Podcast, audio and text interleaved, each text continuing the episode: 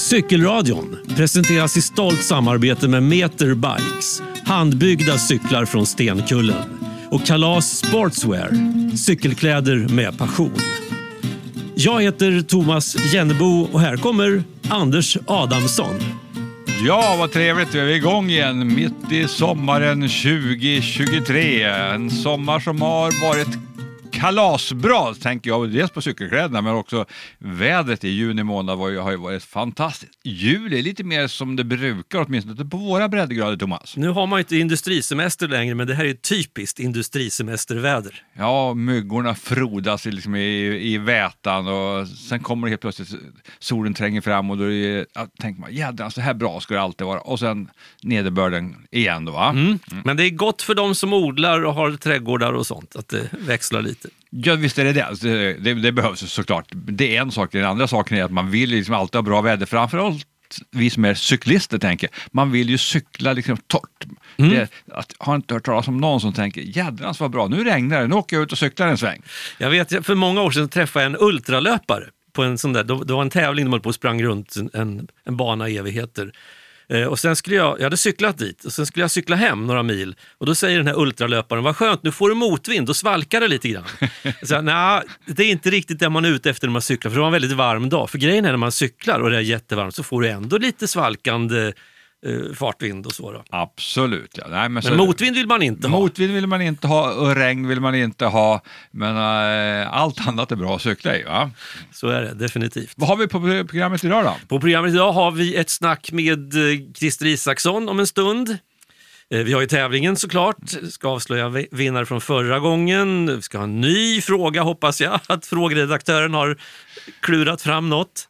Eh, sen har vi lite spaningar och så såklart juli månad. Tour de France, vi är mitt i Tour de France när vi spelar in det här. Det har gått tio etapper så det ska jag prata lite grann om. Sen har jag varit lite grann, ja, jag vill inte kalla det cykelsemester egentligen, men jag har varit och cyklat på en massa trevliga ställen som jag gärna berättar och delar med mig av tips och råd runt omkring det här med ska säga, alltså det är inte träning det handlar om, det handlar om en upp, cykelupplevelse på ett eller annat sätt. Inte så här jättetufft att ge mig iväg med ett kontokort och en stor sån där uh, sadel bak på sadelstolpen. Det har jag inte kommit in i än så länge i alla fall. Men det kommer lite senare i program. Och sen har väl du fixat någon spellista tänker jag också Thomas? Spellista finns det och ja, det finns väl något slags tanke där men jag vet inte riktigt. Vi kan se mot slutet om, om, om det fanns en tanke. Om det, om det fanns en tanke.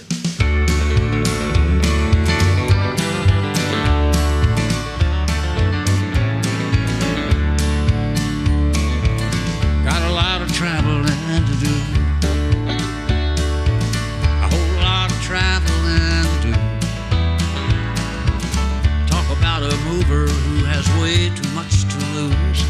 It's time I put back on my rambling shoes. I got a lot of traveling to do. I got a lot of traveling to do. A whole lot of traveling to do. Well, the road is getting crowded, and they're shortening my fuse. And there ain't nothing here I really care to lose.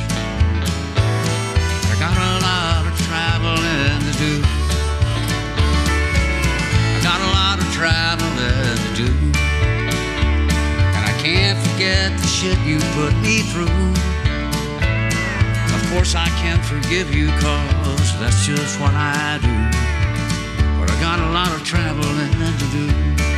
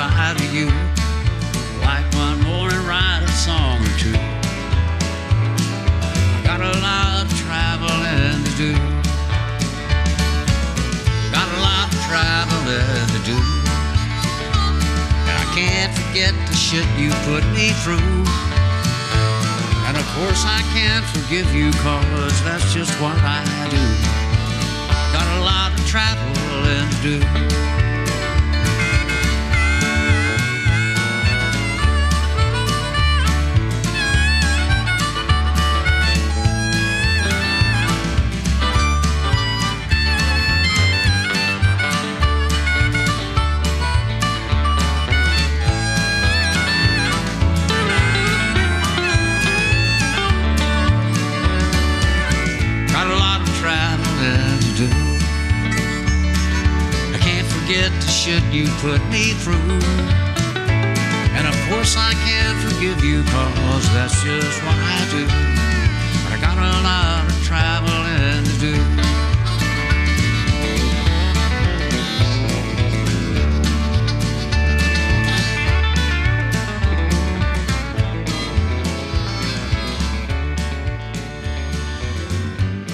Willie Nelson, I've got a lot of traveling to do.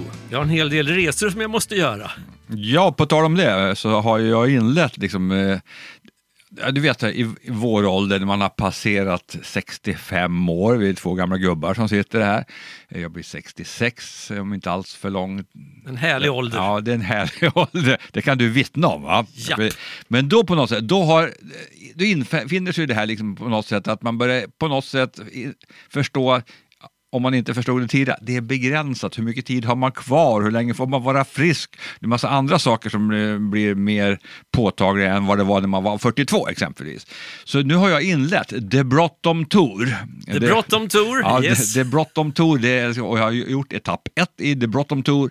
Det handlar om, alltså, om saker som jag liksom har gått och nött. Jag skulle gärna vilja resa dit eller dit och se eller uppleva någonting. Och det är ju inte så att ja, man, engelsmännen kallar väl det någon slags bucket list eller något sånt där, men i det här fallet är det The Bråttom Tour. Och då har det varit så att, eh, att vara på, på, på höjder och vara på öar och eh, åka cykel runt sjöar och det vill säga många olika saker som eh, jag vet att många är begeistrade av. Och då har man varit på Öland, man har varit på Gotland, man har varit på Åland och man har varit på Orust och på Tjörn och alla de här öarna. Men så är det en ö som jag liksom hela tiden har gått och spanat på som jag aldrig har blivit av. Men nu när The Bråttom Tour inleddes den eh, 8 juni 2023 så tog jag färjan över till, från Ystad till Bornholm.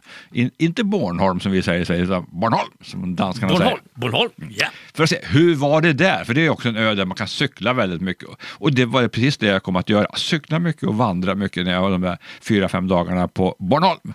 Eh, snabb resa från Ystad, inga problem alls. Det var en katamaran, den eh, tog nog fasen under två timmar så var man i, i huvudstaden så att säga på eh, Bornholm, eh, Rönne.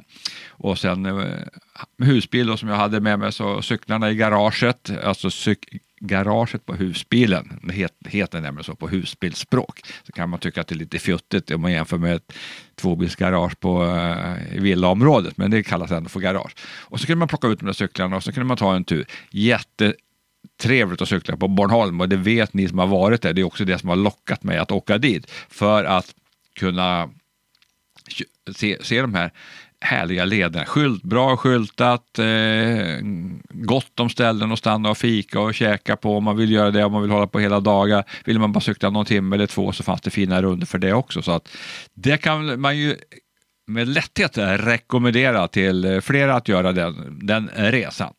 För den som aldrig har varit där, jag vet ju var det ligger. Ja. Men hur stort det är, alltså när man, när man är på plats, är det miltals att åka till nästa ställe? Eller? Nej men det är inte så, om jag minns rätt kanske det var är en eh, 10-12 mil runt den om man åker ytterkant ungefär, så det är ganska så snabbt gjort egentligen. Så, här, så man, man kan klara sig väldigt bra tänker jag, med, utan att ha, ha fordon med sig.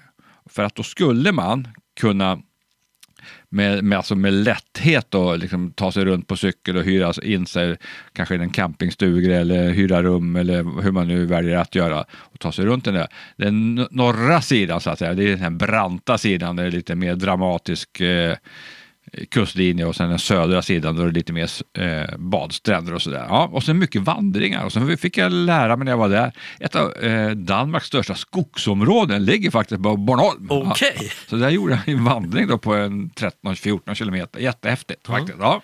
Så det låter som att The Broughton Tour inleddes på ett ganska bra sätt. Då. Det inleddes på ett bra sätt och då får mig att tänka på den där resan som jag inte har blivit gjord och inte kommer att bli gjord, tror jag, troligtvis heller, som jag pratade om eh, för ett antal program sen, kanske 40 program eller sånt, vad vet jag. Om det här med att om man vill åka i många länder och cykla få mil, då skulle man ju kunna åka liksom från, eh, vad blir det då, från Trelleborg till Svinort. Ja, Passar alldeles utmärkt. Och sen då, då får man ju med och cykla lite grann i, först i Sverige, så cyklar man lite i Polen och så cyklar man snabbt över till Tyskland, drar sig upp mot eh, Rügen och Sassnitz eh, och därifrån tar man färjan till just Bornholm.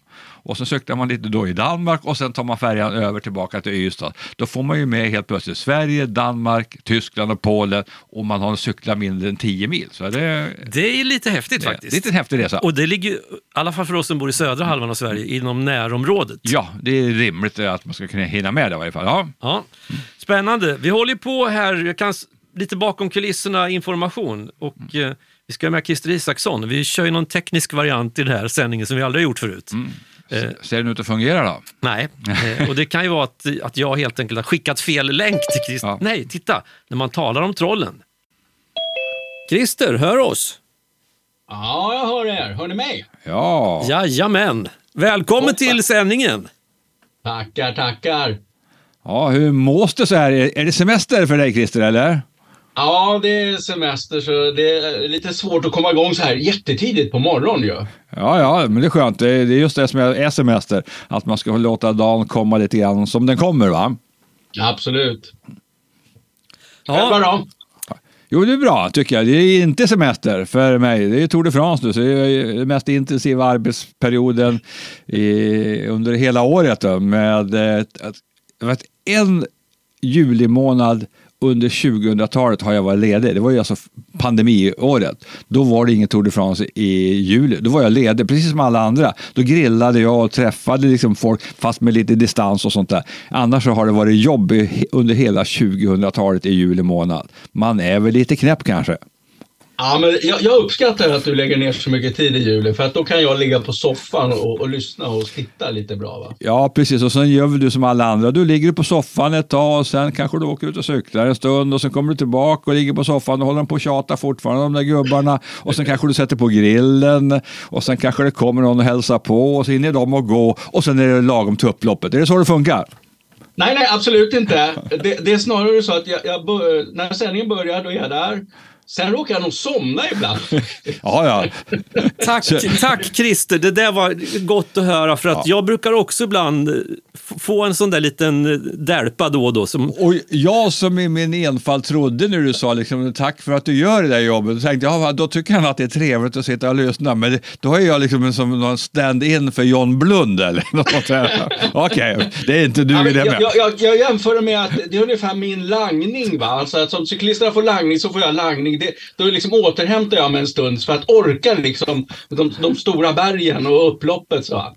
Ja, det, det låter bra, det är härligt. Jag tror att du är ganska vanlig Eurosport-tittare, fungerar på ungefär på det viset. Jag har förstått det på med en hel del meddelanden eh, genom åren. Ja. Ja, det låter bra. ja, hur är det med din egen cykling då, Christer? Förutom att du cyklar på tvn. Ja, nej men det, det är li, lite som Anders säger det. Jag brukar faktiskt Eh, särskilt den här perioden då när man, man ser fram emot eftermiddagarna, eh, sticka ut eh, på morgonen, förmiddagen. Det har varit så jäkla varmt också nu mitt på dagarna så att det är väldigt behagligt på morgonen. Så då blir det en liten runda då för att liksom känna att man, man varvar upp och kommer igång. Va? Så att, eh, och jag kör ju på en sån här gravel som ni också har, så det är en blandning antingen landsväg eller så ut på, på härliga grusvägar. Men nu när det är så här torrt, det dammar väldigt mycket, kan man ju lugnt säga när man är ute på grusvägarna. Och, och jag är lite så här nojig med att, att mina cyklar ska vara väldigt fina, rena och blanka och så här. Och, och det är de inte när man är ute och kör på gravel när det är så här torrt och, och, och det. Va? Men det får man ta. Men du hade, du hade väl lackförseglat din cykel va? Exakt, så att bara på med vattenslangen och så är den som ny igen. Va? Så att eh, det, det kan jag verkligen rekommendera om man nu är lagd åt det hållet som jag är lagd. Va? Så att eh, det blir bra. Och jag alltså, jag har ju blivit lite såld på det där med gravel eller grusväg.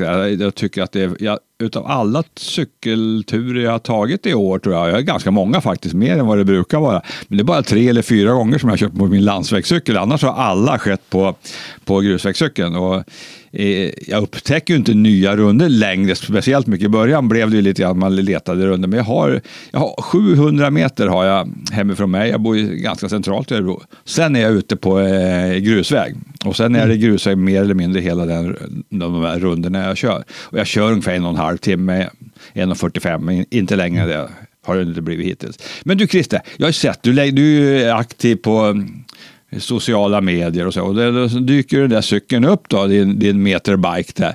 Men Alltså, du är noga, det är bra. Men varför har du skärmar på mitt på sommaren? Va? Det måste du förklara. Du är inte den första. Och jag, jag är själv så här otroligt... Jag har ju den också som eh, pendlare till och från jobbet. Och då är jag lite så här... Normalt när jag ska ut och njuta av cykling, då jag cyklar inte när det regnar. Men när jag pendlar, då kan jag inte välja. Då, då, ja, då ska jag till, till jobbet och hem. Eh, och, och då är jag liksom så här, nej, nej, nej, nej, inte skärmlös. Eh, då, då vill jag liksom skydda mig själv så mycket som möjligt. Och, och då är jag så här, men när jag ska ut på de här rundorna, då skulle jag gärna slippa dem. Och jag är inte sån här som monterar av och monterar på. Så smutta är de ju inte enkla, ungefär som snabbkopplingar eller sån här på, på hjulen. Va? Så, så det är liksom en, en ständig vånda och kamp inom mig själv. Ska de av eller ska de vara på? Uh, och, och, nu har jag än så länge liksom landat, ja de får väl sitta på det. För jag, jag satte på dem där på våren när det är lite blötare och slaskigare och så vidare. Men, men det är ju inte vackra saker. Nej, och då tänker jag så här då, okej, okay, jag ger dig eh, cred, och ger dig liksom på något sätt liksom eh, tillåtelse, även stilmässigt, att göra det. Va? Men när du har semester, då ska du inte åka till jobbet, då kan du ta bort dem. Under semester, semester, skärm bort. ja, ja. men den, den, köper jag också, den ska jag nog försöka börja. Där. Jag vet inte om jag orkar den här semestern. Nej, men till nästa semester, semester, ja, ja. Får det, ja, det, bli. det får det bli så. Ja, vad bra. Ja. ja, det är fantastiskt. Du Christer, jag vet inte, har du följt med i den här lilla debatten som har surrat runt på sociala medier om den nya cykelgatan i Varberg? Nej, det har gått mig lite förbi. Jag har hört någonting att det var lite problem med cykelhastigheter och att det fanns funderingar på att om man ska cykla i gångfart och ja. sådär, om, om, det stämmer. Jo, men precis. Jag har kollat det där och det finns ju då en, en hastighets eller en skylt som uppmanar cyklister på denna cykelgata, alltså inte en gångfartsgata eller en gångväg, utan en cykelgata, att cykla i gångfart. Mm. Eh, frågan är till, till att börja med, vad är gångfart egentligen? Du som är i, i branschen. Hur många kilometer ja, alltså i timmen jag, är det? Jag, jag, tror inte det är fastställt av, av, egentligen av domstol. Det, det, går inte att hitta någonting i trafikförordningen. Man kan ju liksom tänka sig att är, är det är gång i OS så, så är vi uppe i 20 kilometer i timmen ungefär, de här som struttar omkring när de, när de har OS igång. Va? Men, men det tror jag inte lagstiftarna menar att det är gångfart. Men jag, jag, skulle tro alltså de fall som polisen till exempel här i Stockholm har eh, på, på gågator övervakat cykeltrafik, då, då har de så att säga gått i rask takt bredvid cyklisterna för att avgöra. Och då hamnar man någonstans på 7-8 kilometer i timmen. Eh, så att det, det, kan ju tycka, i min värld då som trafikplanerare, lite märkligt att om man inför regleringen cykelgata, det är ju en liksom en tanke att man ska på något sätt prioritera cykeltrafiken, ge dem företräde. Nu, nu finns inte ordet företräde i trafiklagstiftningen, men, men det här ska vara en, en, gata, ett utrymme för cykeltrafiken där korsande fordonstrafik har väjningsplikt och så vidare. Att då komplettera en sån med att man ska cykla i gångfart, då har man ju på något sätt gjort något fundamentalt fel. Eh, om man nu har upptäckt att det här funkade inte bra med cykelgata av någon anledning, att man hade gjort ett taskigt förarbete och så vidare. Då är inte lösningen att sätta upp en skylt att man på cykelgatan ska cykla i gångfart. Det är att ta bort cykelgatan, den regleringen. Det, det är ju hål i huvudet, men jag är inte ett dugg förvånad om det här stämmer liksom allting. För att det är så här, det är min erfarenhet efter 30 år, det är så här man hanterar cykeltrafik i trafikplanering. Det är en fundamental okunskap. Det är tyckande, det är åsikter, det är få som följer, läser handböcker, följer forskning och så vidare och så vidare. Man sitter och har lekstuga. Och när man då har lekstuga och man då inte har gjort sitt så att säga, grundläggande förarbete och skiten dyker upp eller problemen, då fortsätter man i en ännu större leks, lekstuga och då till exempel kladdar upp sådana här saker på cykelgatan, cykla i gångfart.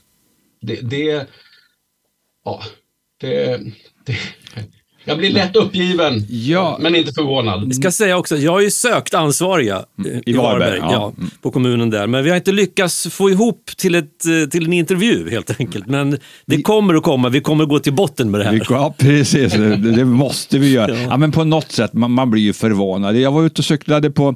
Alltså, vet, nu, för första gången i hela mitt liv hände, eh, har det hänt en sak den senaste veckan. Jag har ju min gru, en grusväg alltså, som jag cyklar på, en, en gammal banvall. Och den är så jädrans fin. Det börjar med det svagt, liksom med motlut och jag börjar uppe. Tro inte på fasen att nu helt plötsligt har de asfalterat delar av den. Nu vill jag inte ha någon asfalt längre, nu vill jag ha grusväg där. Så jag var irriterad på det. Så nu har jag blivit av med en eh, 800 meter fin grusväg till förmån för just asfalten. Men där då har man delat på den här alltså med ett streck och så har man gjort det som cykelbana och som gångbana. Men mitt i en utförsbacke en, så här, då har man en sån här, eh, ja vad heter det, en, en grind. Som, Mm. ja, som bara täcker cykelbanan. Så där måste man om man nu kommer med, åka över då på gångbanan. Det finns ingen annan sätt att ta sig förbi. Hur tänkte de? Ja, Ja, men de tänkte så här Anders, att eftersom du inte får cykla på en gångbana så ska du ju då stanna, kliva av cykeln, leda den på gångbanan förbi grinden, gå tillbaka in på cykelbanan, hoppa upp på cykeln och cykla vidare. okej. Det är så det går. Ska du med. Den är väl väl upplyst, den här platsen? Eh, det kan jag inte. Nu var det ju mitt på dagen. Jag tänkte inte om, om de fått dit något gatljus. Jag ska undersöka och återkomma med ärendet. Jag För det kan ju också bli en rolig överraskning Ja. framåt eh, november. Precis, ja. I diset och, Ja. och utförslöpan där och så plötsligt en grind mitt i alltihopa. Men, men det du tar upp där Anders, det, det, det finns ju liksom, jag, jag skojar lite här och, och det, det är mitt sätt att hantera allt det här eländet många gånger som finns. Det är, ju- just de där sakerna, grindar, alltså olika typer av hinder på cykelvägarna, de är ju mer eller mindre ökända i, i olycksdata för cykelolyckor. För att de är många gånger helt uppsatta, många gånger helt omärkta. Det kan ju vara stenbumlingar, betonggrisar, olika typer av grindar och så vidare. De slängs ut i parti och minut på, på väldigt olika ställen, på väldigt märkliga platser och så vidare. Många gånger med, med intentionen hos väghållarna att det är för cyklisternas eget bästa. Det kan ju till exempel vara bilhinder, att det åker bilister som gladligen bryter mot trafikreglerna. Eller att det finns en besvärlig korsning med dålig sikt och så vidare. Och då dunkar man upp det där för att det finns ju också den här för, fördomen att cyklister de bara flyger ut, rakt ut i korsningen. De ser sig aldrig för och de bryr sig inte om någonting. Som de vore kamikazepiloter ungefär. Det, och så smackar man upp det där. Och det visar ju den forskning som finns på området att det finns egentligen inget underlag och motiv att använda sådana här annat än på väldigt fåtal begränsade platser. Men den analysen görs inte. Utan i ivern att på något sätt göra någonting så slängs de här ut utan någon större tanke om vad, vad det innebär och så vidare. Som du beskriver, jaha, ja, det är ju bara att cykla på gångbanan. Och det blir ju alla glada över att man cyklar på gångbanan. Ja, ja, det Nej, ingen. Pre- precis. Och på, på blandade gång och cykelvägar, då kan folk bli irriterade när man cyklar. Alltså man, du kunde väl liksom ha, ha eh, ring, plingat eller någonting, de blir rädda. Så jag, då brukar jag stanna för Du blir alltså förvånad att det kommer en cyklist på en gång och cykelbana. Eh, Det är märkligt va? Det kan man inte hålla på och plinga. Håll inte på och tuta på en väg hela tiden när, jag kommer ikapp andra bilister eller eh, cyklister och sånt där. Men ja, vi är konstiga vi människor. Det är det. Och plingar man ibland, då tar ju den här som går, vänder sig om och tar ett steg åt det hållet varifrån ljudet kommer och kliver precis mitt ut framför. Så det, det är intressant också. Ja. Men jag Är, tänker... är, de, Ja. är de två stycken så brukar de byta plats med varandra. Korsa varandras väg. Så det hjälpte ju ingenting. Nej, men det är en, jag brukar kalla det konfliktdesign det här med gång och cykelbanor. Att, att blanda två så diametralt olika trafikslag med väldigt olika hastigheter. Och precis som ni beskriver, att gående har ju ett helt annat rörelsemönster. De har ju jättelätt att stanna, jättelätt att tvärt gå åt sidan hur som helst. Det, vi cyklister har ju inte riktigt, alltså vi hoppar ju inte åt sidan om man inte heter Peter Sagan eller något sånt där. Va? Så, så vi är mycket mer förutsägbara i våra, bilar är ännu mer förutsägbara i, i sitt rörelsemönster. Men ändå, ursäkta, ändå väljer man då att blanda de här två väldigt olika trafikslagen. Och så på något sätt hoppas att det ska vi som trafikanter, vi ska fixa det. Men, men precis som Anders beskriver här, gående tycker inte om att blandas med cyklande. Vi cyklister tycker inte om att blandas med gående. Men ändå så sker det här. Och så får man då höra att det är de gående som är de utsatta och, och, och, och så att säga eh, eh, i blandningen med gång och cykel. Men så är det ju inte alls. Alltså, vi är båda lika oskyddade. Cyklister har, i och med hastigheten, har ju, kan utsätta andra för gående till exempel för lite större krockvåld. Men vi vet inte utfallet av en olycka mellan gående och cyklister. Det kan gå lika illa för cyklisten som det går för en gående för att båda är väldigt oskyddade. Cyklisten har ofta en högre fallhöjd. Vi ser bara på Tour de France. Va, va, de värsta olyckorna kommer ibland i de lägsta hastigheterna. Pang säger det.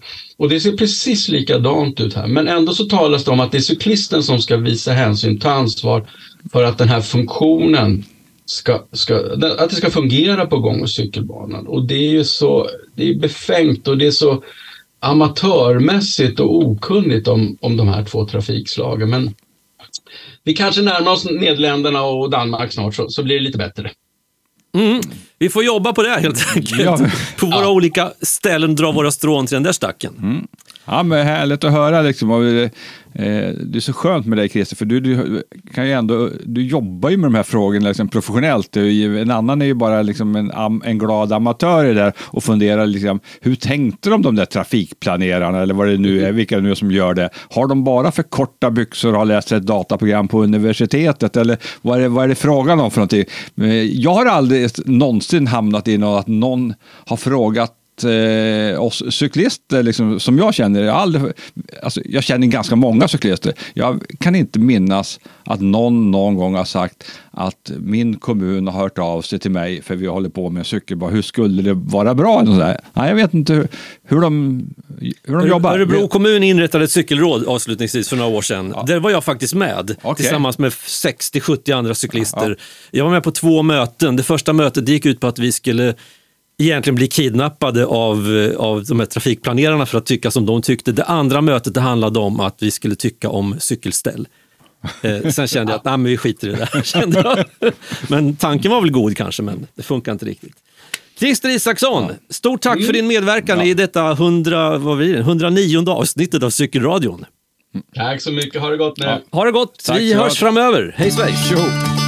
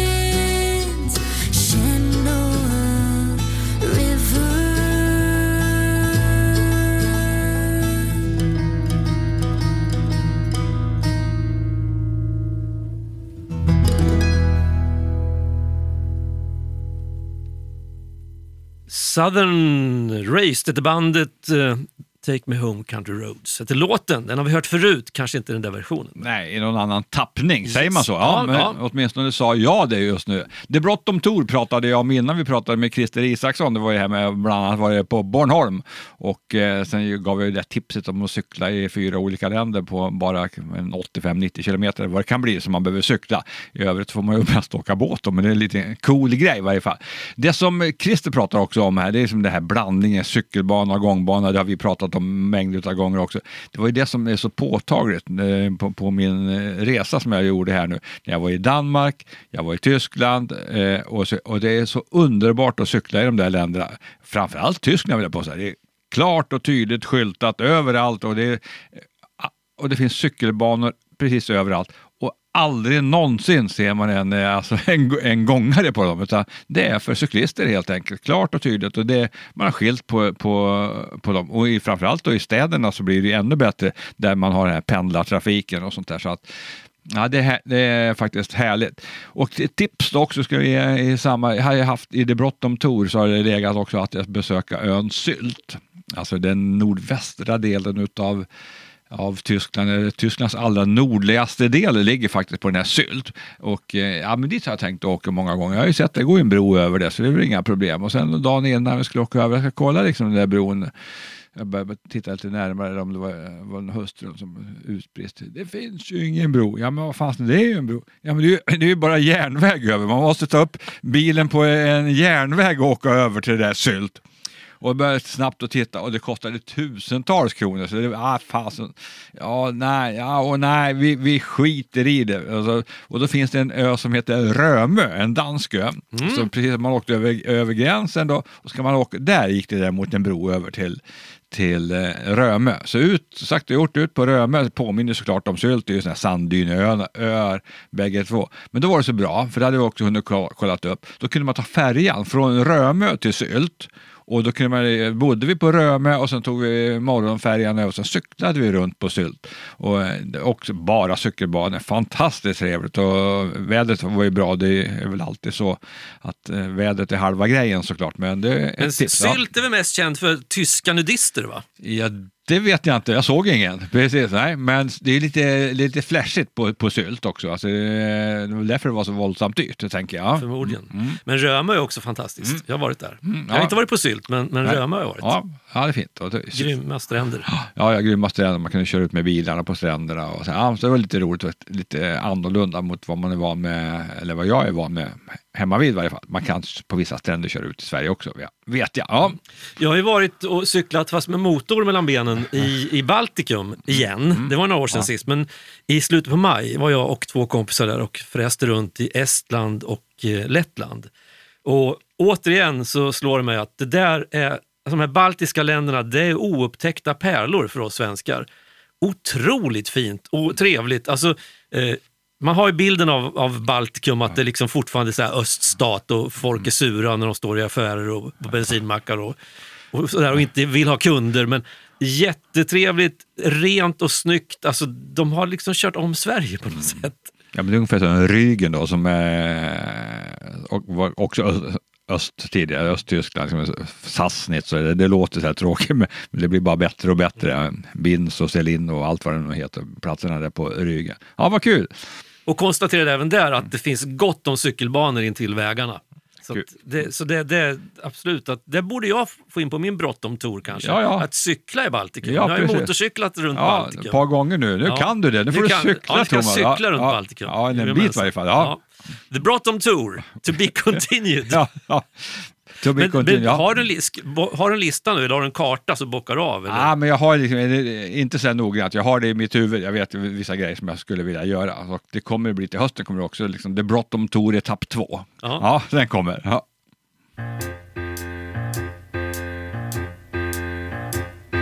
Chanson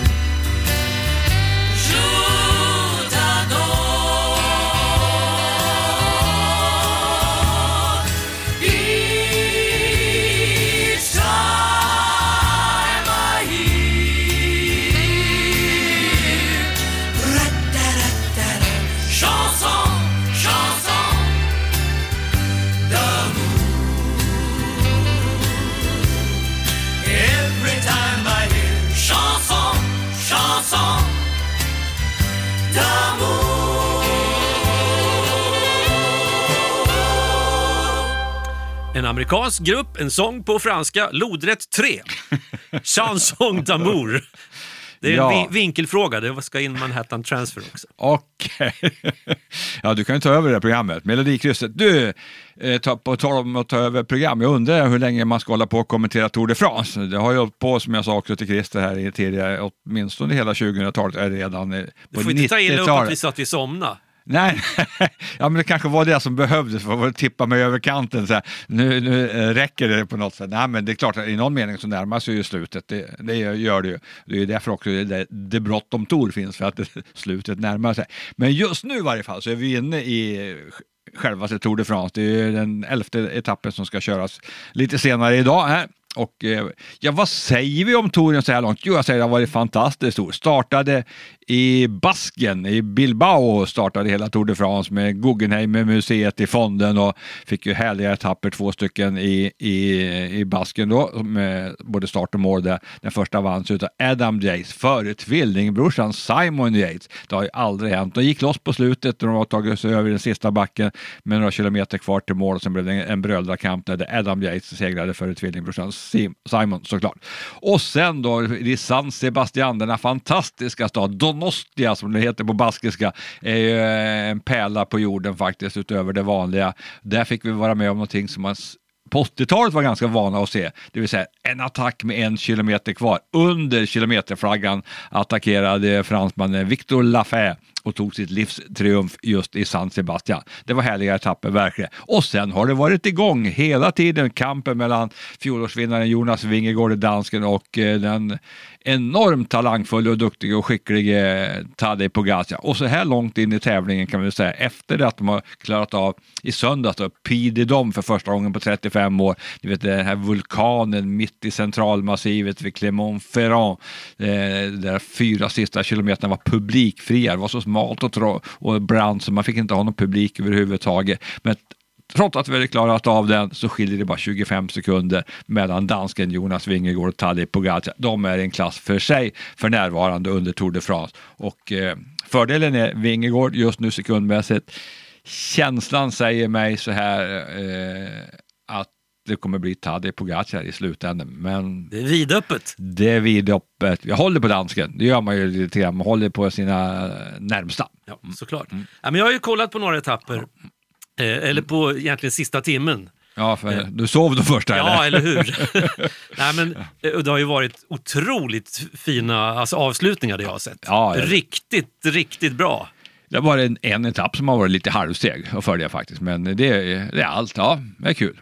Eh, sen, men du, jag vet inte, jag kanske har missat någonting från förra året, men visst känns det som att de har andra styren i år? Ja, det har blivit smalare och smalare Ja, hur? ja, det, och man böjer in eh, bromshandtaget. Ja. Och allt det där bygger ju egentligen på att man inte längre får lägga underarmarna uppe på styret så att säga, för att bli lite mer aerodynamisk. För, och, för det roliga är, det ska jag säga, det roliga är, jag har känt mig, för jag har ju nämligen gjort sådär, jag har ett, på min racer så har jag, satt jag på ett ganska smalt styre för massa år sedan. Ett smalare styre och har också böjt till Mm. handtagen så de sitter sådär. Så jag tänkte, men det där känner jag igen. ja. Jag, jag var först. Ja, du var först. Ja, tror jag. precis. Ja. Nej, men det är för aerodynamiken. Problemet med det är att smalare styre blir ju faktiskt lite vingligare. Det måste man konstatera. Yes. Men det var ganska få vurpor ska jag säga. Det ot- alltså, det, har drabbat väldigt skickliga cyklister. Redan på första etappen så förs, försvinner Enric Mas och den olympiske mästaren Richard Carapaz. Det är de, typ de enda två som vurpar i en utförslöpa i en vänstersväng. En ganska fjuttig vurpa kan man tycka med konsekvenser att, att de fick brott i eh, skulderna respektive eh, knät. Och sen Mark Cavendish i jakten på den 35 etappsegern i historien. Han delar ju rekordet med, det märks med 34 etappsegrar, det är mest av alla genom alla tider. Blir tvåa på en spurtetapp här, var det etapp eh, sju och sen då på etapp åtta så vurpar Cavendish så illa i en så kallad skitvurpa med eh, ja, en bra bit kvar till mål så att liksom, det var ingen kamp eller så, och bryter nyckelbenet. Game over, Mark Cavendish. Tråkigt avslut på en fantastisk karriär. Eh, Det var det om Tour de France. Eh, Snart har vi en tävling också. Jag är beredd.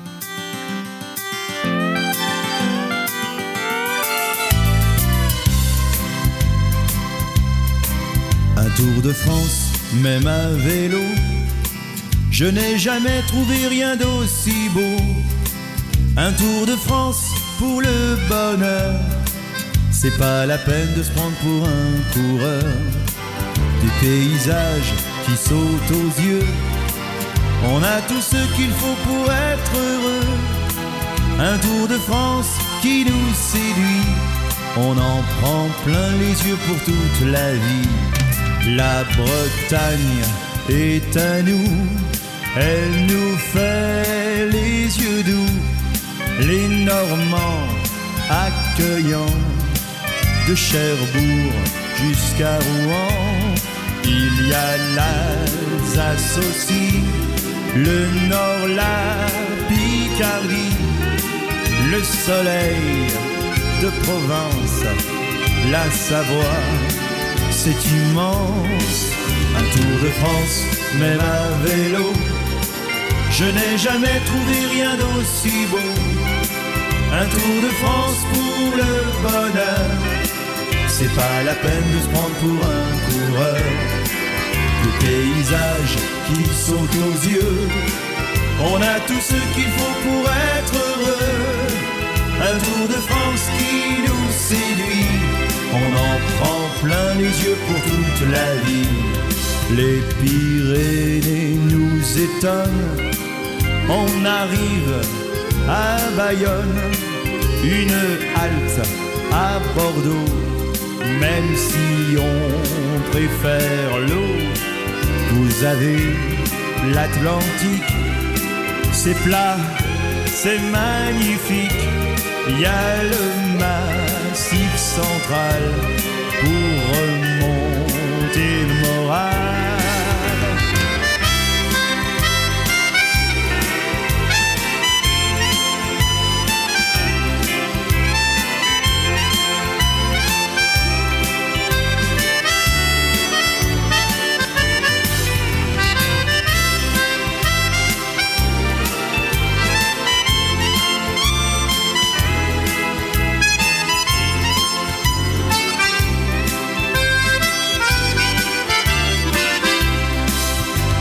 De France, même à vélo, je n'ai jamais trouvé rien d'aussi beau. Un tour de France pour le bonheur, c'est pas la peine de se prendre pour un coureur. Des paysages qui sont aux yeux, on a tout ce qu'il faut pour être heureux. Un tour de France qui nous séduit, on en prend plein les yeux pour toute la vie. Un tour de France qui nous séduit, on en prend plein les yeux pour toute la vie.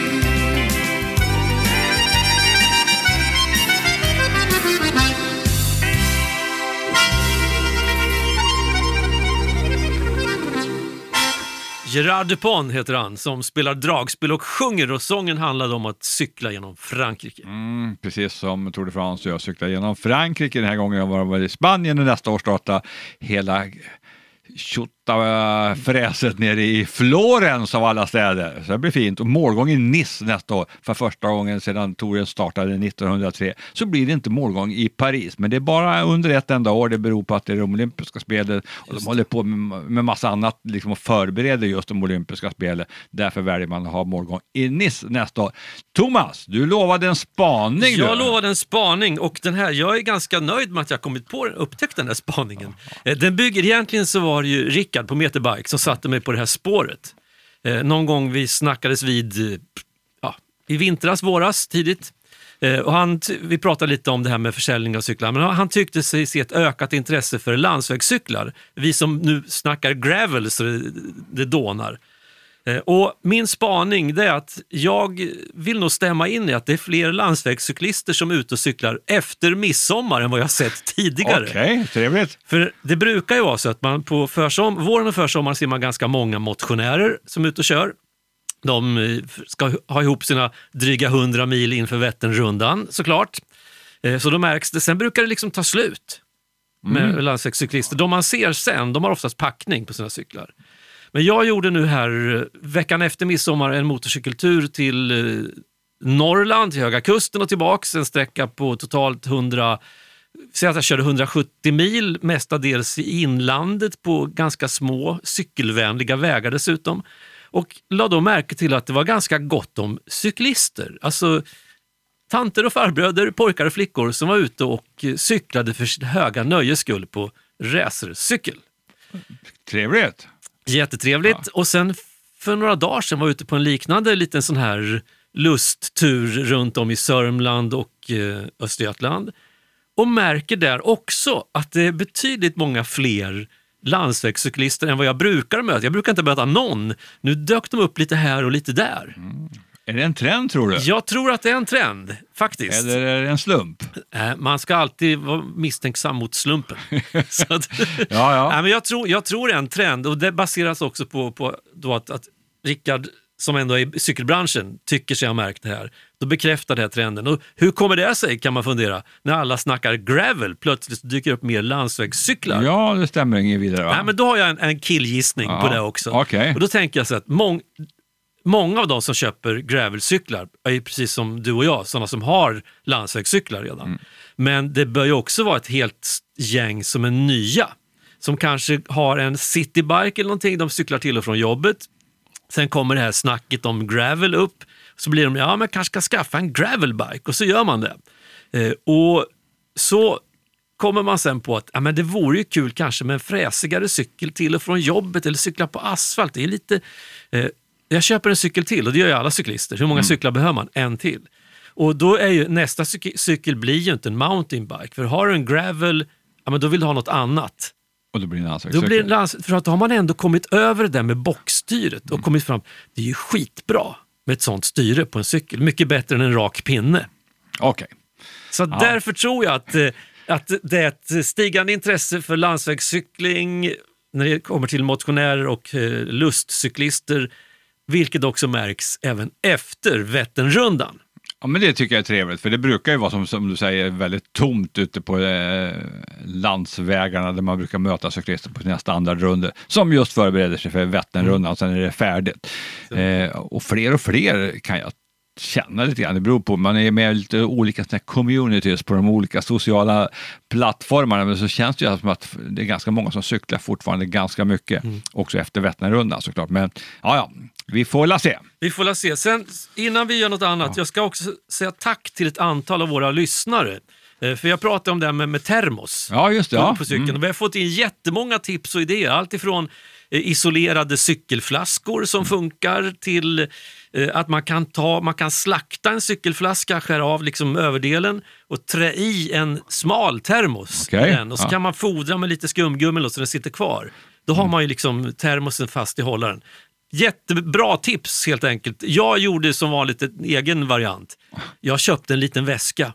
En sån här ramväska Ja, som ja. sitter, inte jättestor och ganska billig. Och där får jag i termos, jag kan få i en regnjacka och jag kan få i lite mackor. Okej, att- trevligt. Ja, na, ja, men det är kul. Och Det fick också, jag, jag lite, eller pratade om någon slags hållare för mobiltelefonen. Där dök ju upp också ett antal Mm. Tips om det, så, men jag har inte kommit till skott med det. Jag, på något sätt känner jag mig så lite orolig med dyra telefoner man ska sätta på den på styr. Tänk om den studsar loss? Ja, Ja, då är det viktigt att ha en bra hållare. ja precis. Ja. Jag menar, Ja.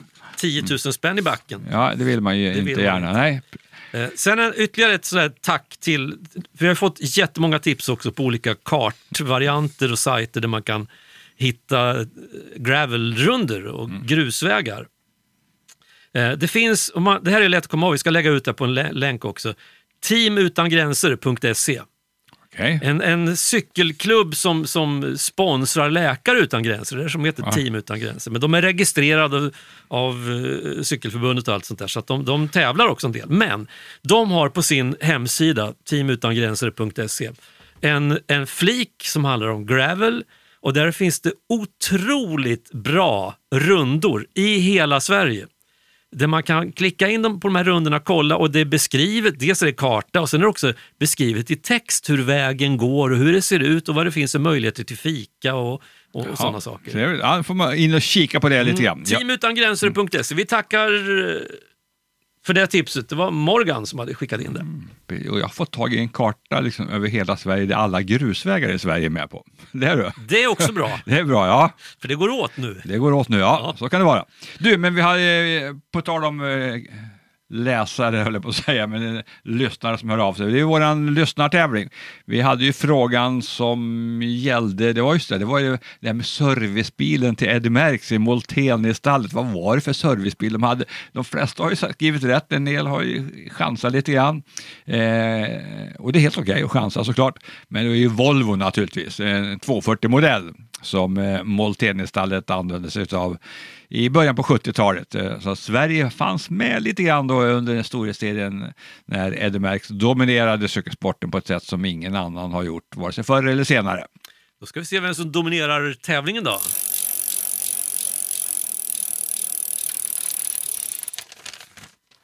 Låt höra! Eh, Molteni hade Volvobilar som servicebilar. Rätt svar, eh, Fredrik Granlund, Bromma.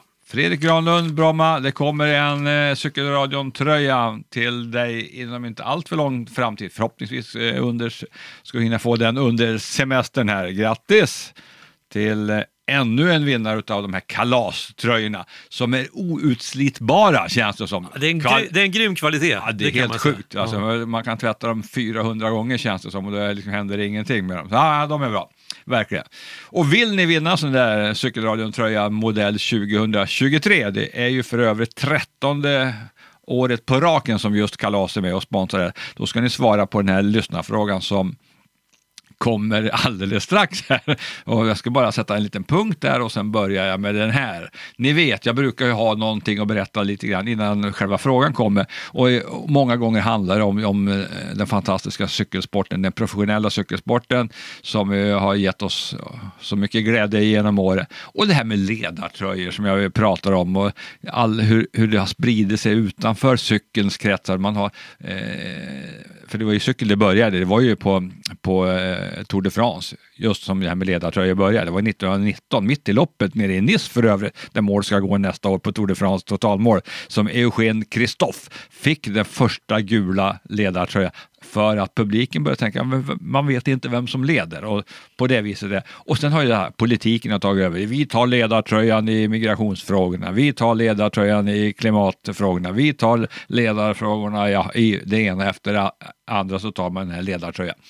Men eh, de här tröjorna, de är åtråvärda och de har varit många av olika eh, kulörer och olika typer av tävlingar genom år. Men sedan ett antal år tillbaka så tror jag att många av er som följer just cykelsporten vet liksom att det är en ledartröja för den som leder sammanlagt, det är en poängtröja för den som leder poängtävlingen och det är en bergatröja för den som leder bergspristävlingen och det är en ungdomströja så för den som leder liksom tävlingen bland de unga cyklisterna. Det är alltså fyra stycken tröjor. Det är det på Giro d'Italia, det är på Vuelta i Spanien och det är det på Tour de France. Och på en mängd andra cykeltävlingar är det just dessa fyra tröjor som gäller.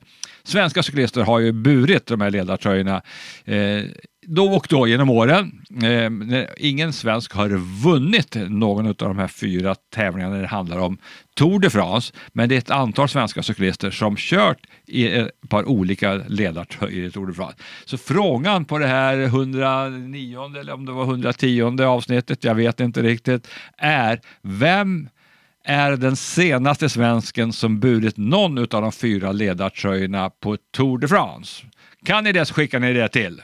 Redaktionen snabela cykelradion.se. Mm. Och ni kan, behöver inte skynda, ja det vet man ju inte. Ni är med i tävlingen ända fram tills dess att nästa program eh, kommer och det kommer någon gång i augusti tänker vi.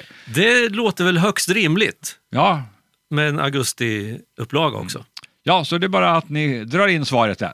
Gör så och eh, ja, men, eh, cykla som folk så, så hörs vi framöver. Gör vi. Tjoho! Hej svejs! Get.